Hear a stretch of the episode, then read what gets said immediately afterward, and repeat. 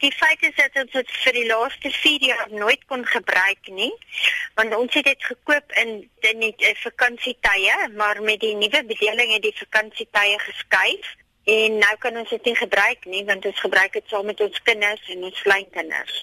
Ons het al herhaalde kere vir hulle gevra om dit vir ons te verkoop, dan stuur hulle ons weer na agente toe en die mense kom in elk geval nooit terug na ons toe nie. En hulle sê net ons kan dit nie teruggee nie want dit is nou vir ons 'n finansiële las wat ons betaal en ons kry geen nut daarvan nie. Die levy word net al hoe meer en meer. Wat is die bedrag van die heffing wat jy per, per maand betaal? Betaal per jaar. Dit was uh 4000 5400 laas laas jaar. So ek is nie seker wat se lê hierdie jaar nie. Verlede maand het hulle my geskakel en vir my gesê hulle sal dit nou uitgee vir tenders, maar ons bly verantwoordelik vir die levy. So as daar nie 'n tender is of iemand wat belangstel nie en ons het letterlik gesê hulle hulle kan hom kry, hulle moet net hierdie jaar se levy betaal. Wat gebeur as jy nie die heffing betaal nie?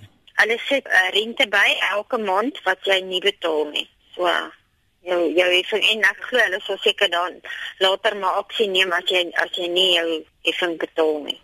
Vandat jy die, probeer dit Jy sê jy probeer nou ja. al 4 jaar lank die plek verkoop. Ja. Het jy al enige belangstelling gekry van kopers af? Ek sê die mense stel belang en dan sodra hulle die living goed hoor en wanneer watter week dit is, dan want dit is baie die skoolvakansies. Niemand stel belang in dit nie. Wat jy basies vir my sê dis bykans onmoontlik om 'n tyddeel te verkoop. Ja, ja wel dit dit lyk so want jy kan do, ek het ek het al die laaste 3 jaar het ek al vir mense gesê julle kan hom gratis kry die week die, ek meen die plek staan toe. Jy kan dit gratis kry nie as dit stel hulle belang nie. so ek weet nie, jy gaan hom dit lyk nie of jy hom ooit gaan verkoop kry nie.